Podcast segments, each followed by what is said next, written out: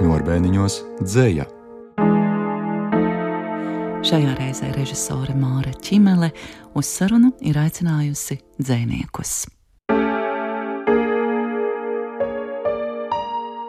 Man gribētos iepazīties. Nosauciet katrs savu vārdu un uzvārdu. un varbūt cik jums ir gadu? Mani sauc Raimons Čirķis, un man drīz būs pilni 25 gadi. Man sauc Latvija Vilma Vītiņa, un man būs 29 drīz oktobrī. Cik tā būs vērts? Mani sauc Artis Ostups, un man ir 34 gadi.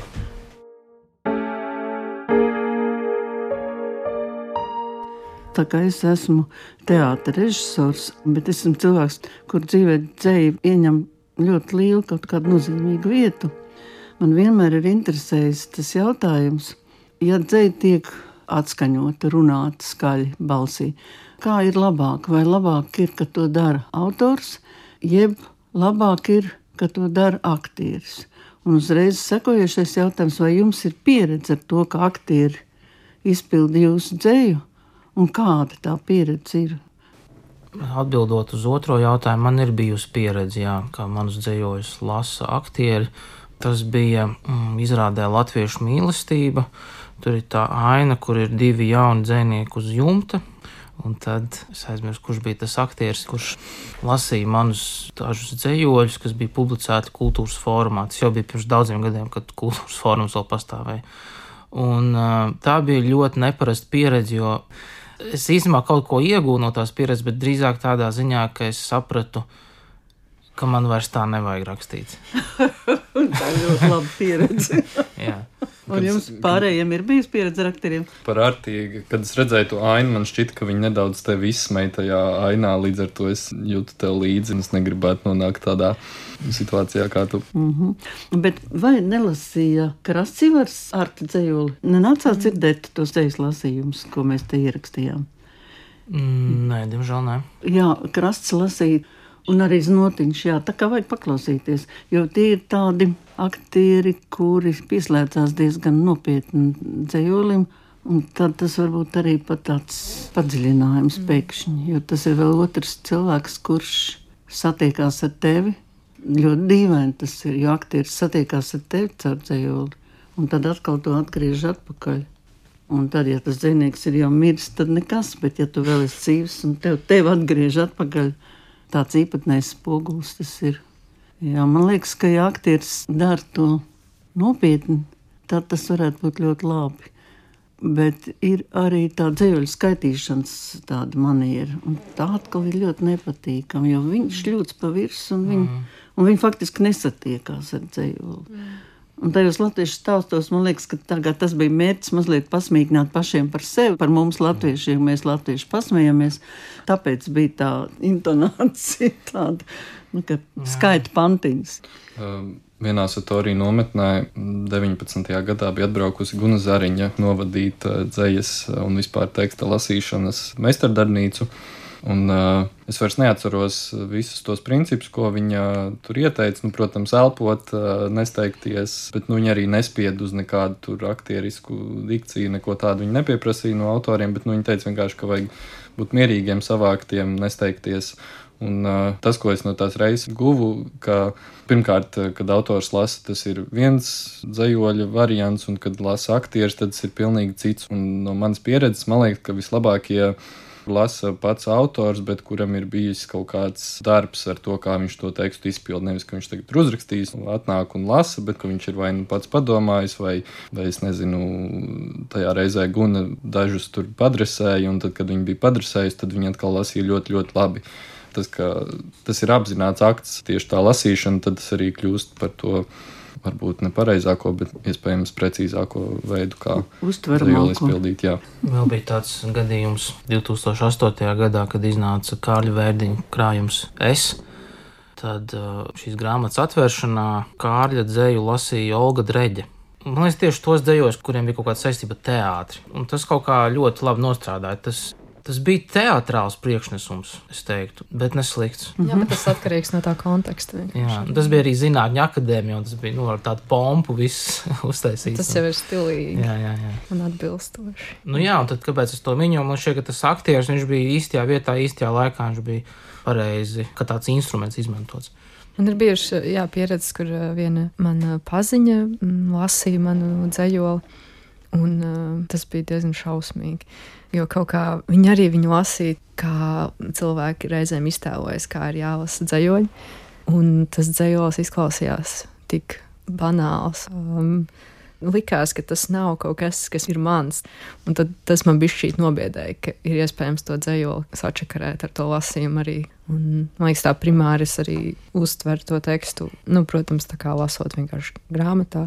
Un tas lasījums ir kaut kāda papildus pieredze tam. Jā, jā, es esmu no Agatas bērnības viena pati mājās lasījusi dzējoļus skaļā balsī. Un man ļoti patika pašai lasīt dzējoļus. Man nevajadzēja nekādu pastarpinājumu. Bet savukārt, man liekas, autora lasījumi ir vērtīgi, tāpēc, ka tu vienkārši kaut kā iepazīsti to autoru raksturu caur to, kā viņš lasa. Un pat ja tas lasījums ir grūti tur saklausāms, vai tas lasītājs runā ļoti ātri vai satraukti, vai atkal ļoti lēni.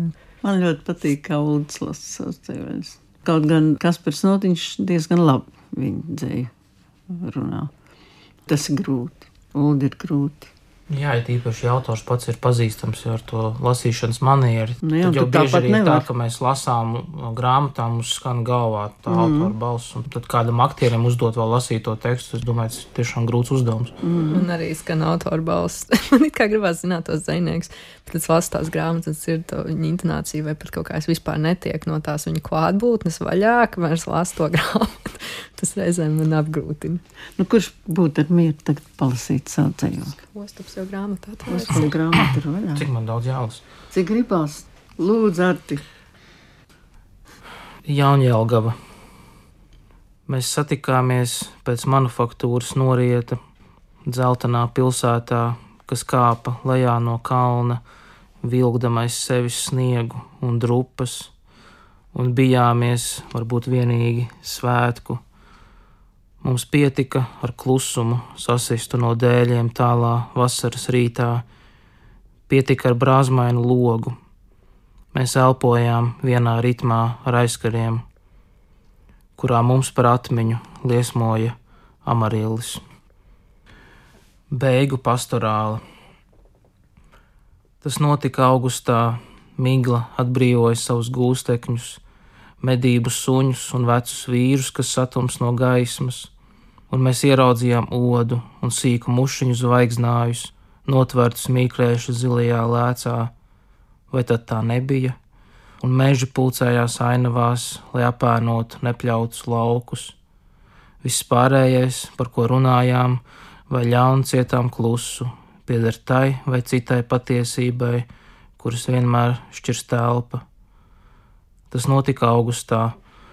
No dienas lauskām nakts salasīja spoguli, jo nekas cits, kaut uz brīdi, mūs neturēja kopā.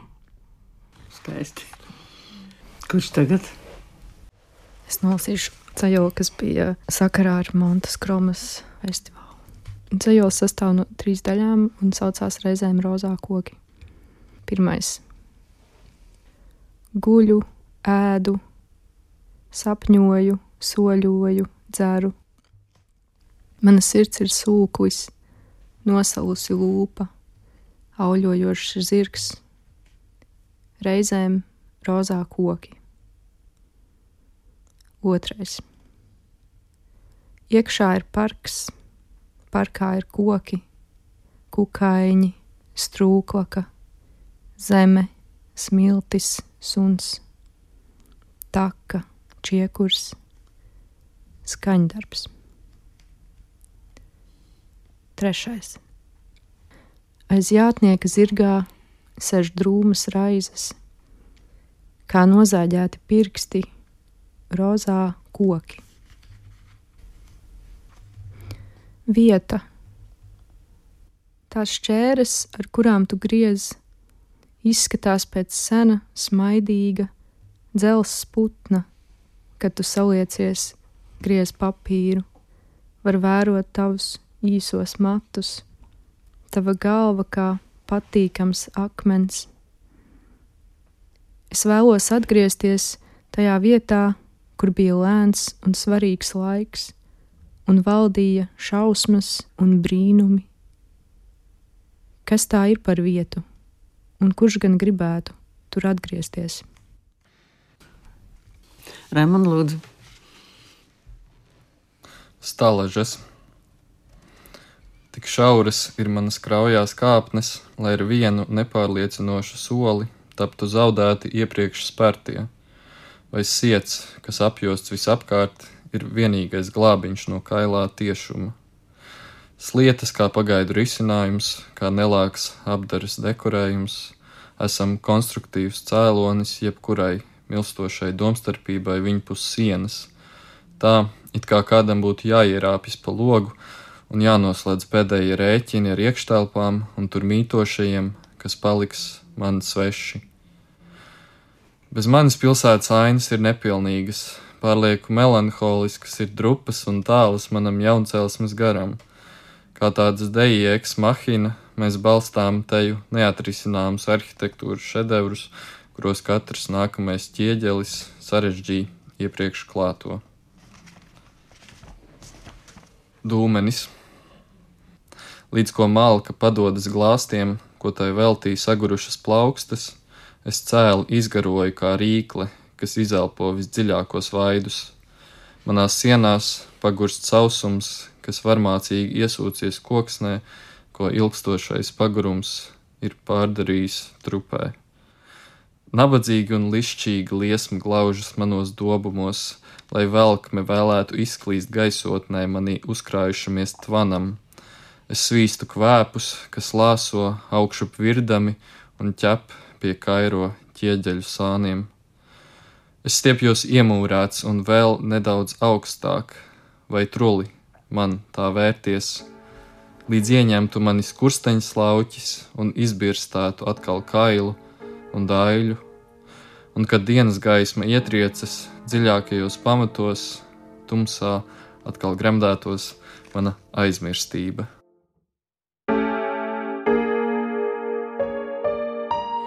Kopā ar dziniekiem Lotte Vilmu Vītiņu, Raimondu Čirķi un Arti Ostupu režisore Māra Čimele. Jā, tas ir tāds interesants jautājums ar mūsdienu dzēju.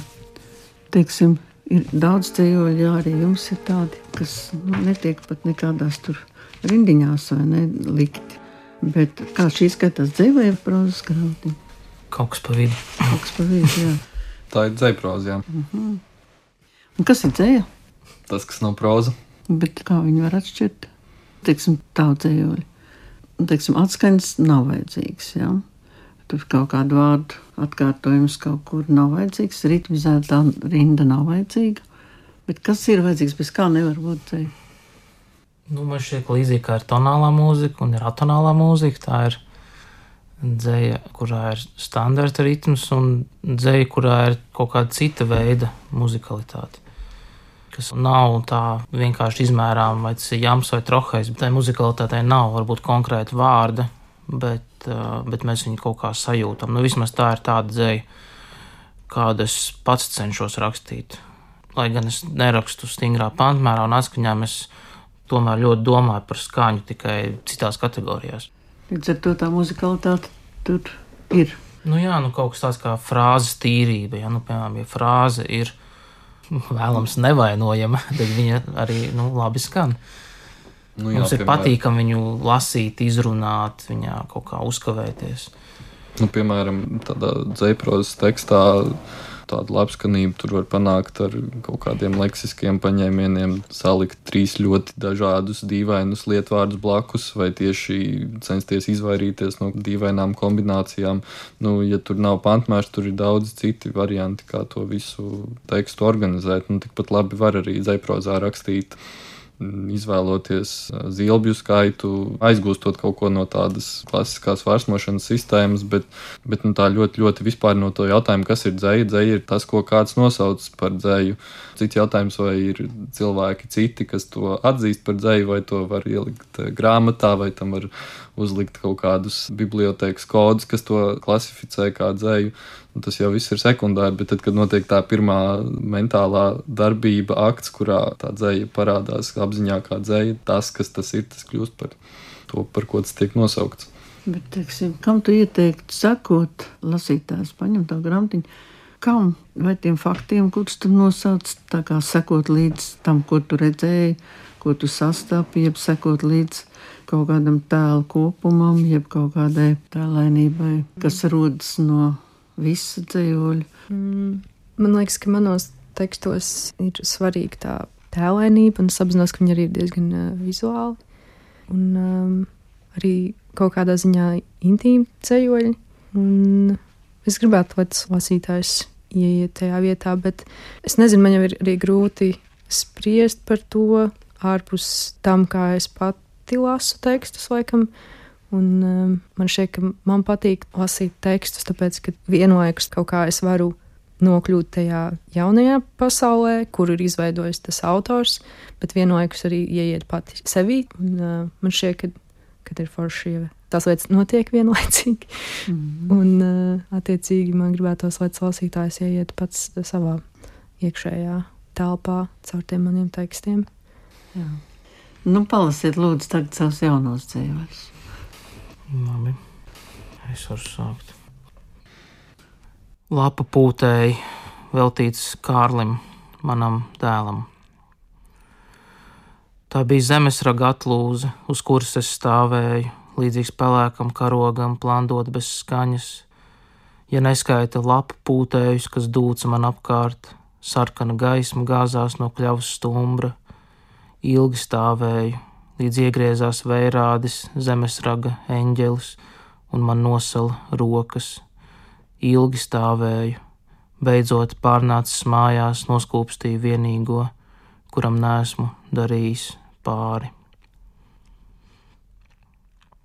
Hoperijāna, veltīts Justīnai Janpaulē. Atceries, kā sēdējām kafejnīcā Žanna uz Tomsona un Nītauras stūra, Tā nesen bija atvērusies, un pilsētas tumsā atgādināja milzīgu akvāriju. Taču ne jau zivis mēs gribējām būt, bet gan naktspūtni hopera gleznā, un mums tas gandrīz izdevās. Pie letes, kur malkojām karstu kakao, tobrīd neviena cita nebija, un gar lieliem logiem rāmi plūda stundas. Kafejnīca drīz vien slēdza, mazās peļņas dēļ, un tā stāvēja ziemas vējā nolaistām restēm, bet tu rakstīji dzējoli par hopera cilvēkiem saulē. Kā nepabeigti stāsti, aiz muguras stiepjas ēnas, bija pēdējās rindas. Savukārt es skatījos datorā uz rīta sauli, un tagad, kopš tu esi prom, es tev iztēlojos tieši tādu, apspīdētu vienu, beidzot vienu, glābtu. Kā nāk tēma ceļolim? Atnāk dzējols un viss. Ja bija kaut kāda dzīvo, dzīvo, tad krājās. Man, piemēram, kaut kāda tāda viena tēma, tā moka, moka mēnesis, un tad tā kā nokrīt kaut kāda tāda atziņa. Bet kā tas ir ceniekiem? Man lielākoties dzējolis sākas ar kaut kādu valodas fragmentu, kaut kādas vārdu savienojums kaut kādu rindu pēkšņi ieskanas galvā, tad es domāju, kas varētu būt tas dzējolis, kurā viņa iederētos. Un tad es izēju no tās skaņas vispirms, un tad domāju, ar ko to varētu saistīt. Bet reizēm arī tas tiešām ir retāk. Reizēm ir tā, ka vispirms ir tēma. Piemēram, šim te dzējolim par kafejnīcu, ko es tikko lasīju. Nu, vispirms bija tā ideja, ka tā bija forša kafejnīca, un tur bija tāda melanholiska gaisotne, un kaut kā būtu jauki to aprakstīt dzējolī. Vairs nav, jā. Kas vairs nav? Tas kafejnīcas. Nē, nav. Bet viņi palika. Nu, protams, ja kaut kas vairs nav, tad tas priekš dzēnieku ir ļoti izdevīgi. Nu, Lotte, savus jaunos dzējoļus. Maza ir balstiņa, kā žēla taurīte, kā zelta zīlīte, kā bērna mutīte. Mana roka izstiepās, gara, gara, reiz trīcošs putns lidoja man cauri un iestiga manī, sakļāvies guļ, atmostas kā no sapņa, kad attālinies, un mana roka stiepjas gara, gara, un putns sāk dziesmu, trīcošu kā kviesi kāpā. Ziedi vēršas pļatskās, bet kastaņkoku lapu kāti kā šauri pirkstu kauliņi izbiruši uz trotuāra. Priede ir taisna, kokaina, stingra, cilvēks svārstīgs, mīksts, siltasiņu.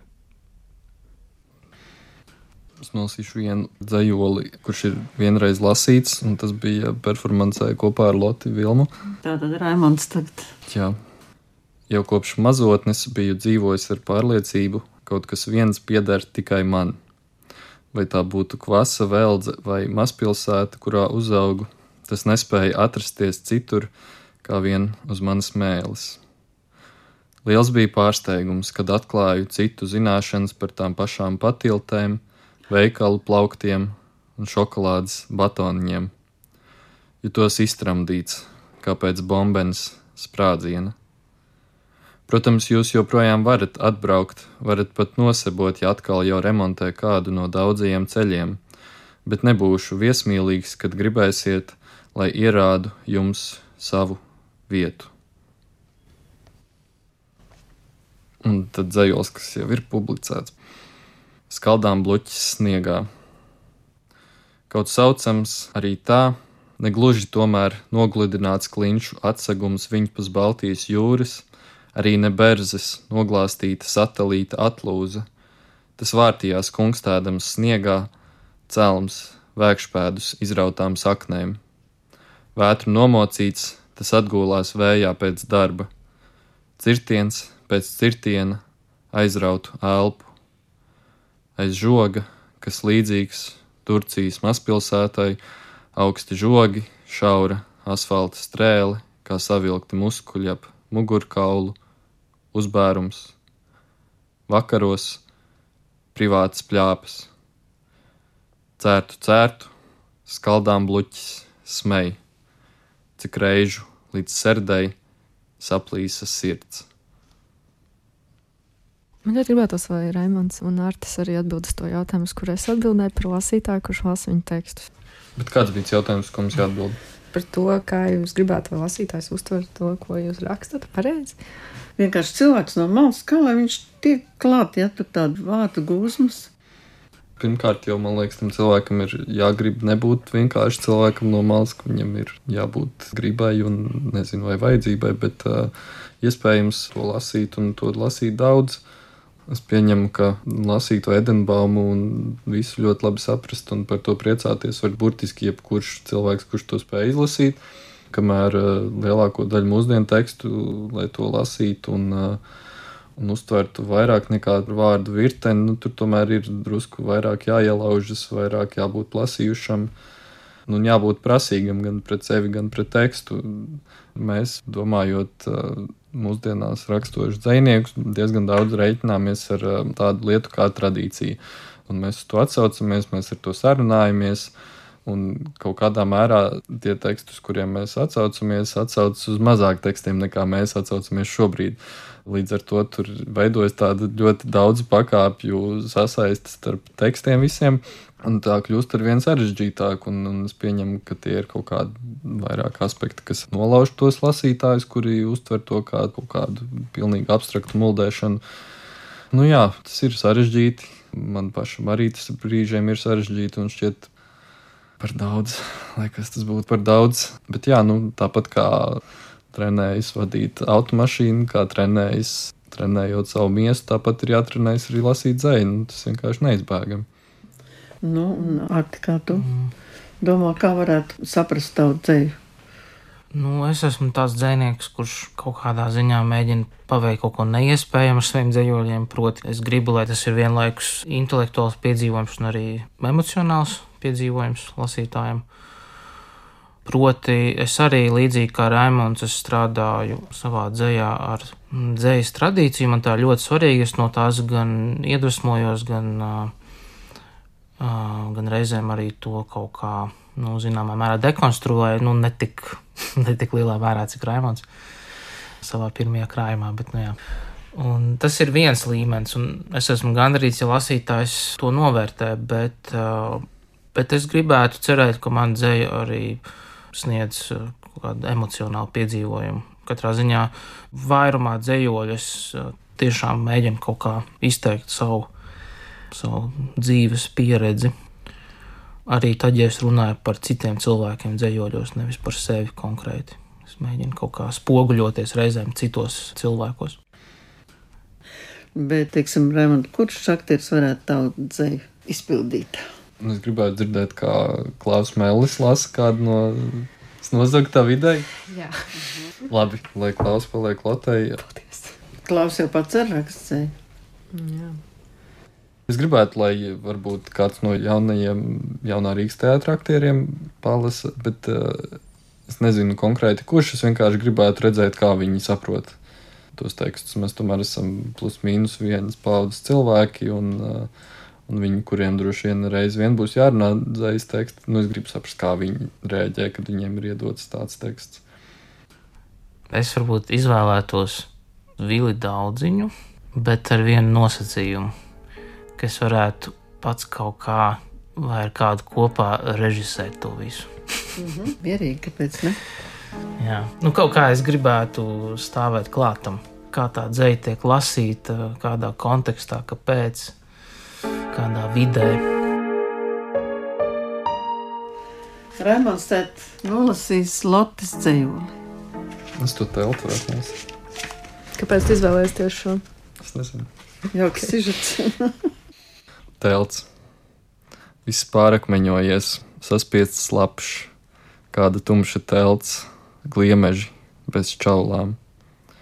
Un kas būtu jādara, kad atradi un izvēlējies mani no visām meitenēm pie ugunskura, vai vispār bija tāds ugunskurs, pusauģu formas ir tik nenoteiktas, neveiklas, kad padod cita citai pudeles, pilnas ar pulsu, nozīmīgā aplī un tumsā. Ir jādara tumsā, bet tu biji gudrs, tev bija lukturītis. Silts stars paslīdēja manai sejai, kas gandrīz saplīsa tā gaismā, un es sniedzu tev dārgāko, kas man bija. Vairākus gadus krātās ilgas, kā tādus nogrieztus matus, kartona kārbā.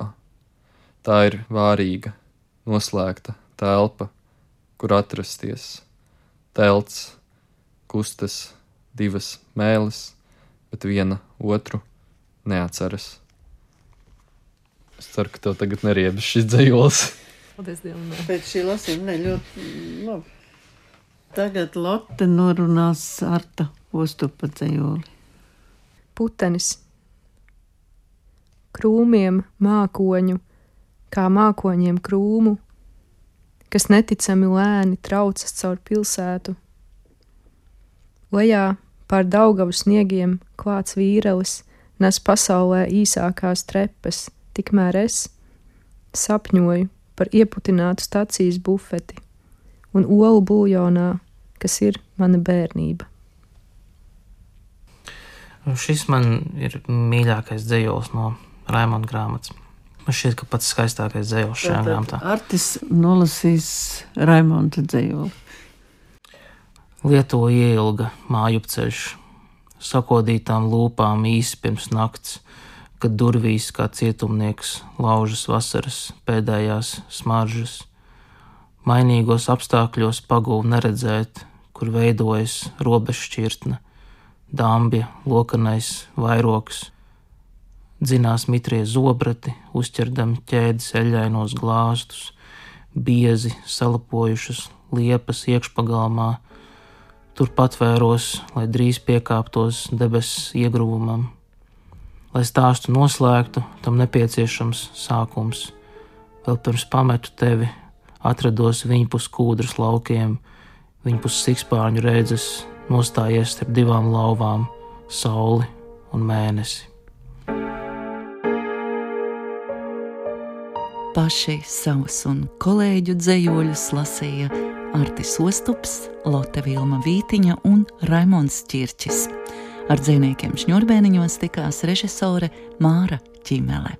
Lielu paldies visiem, saka raidījuma producente Sandriņa Zvecka.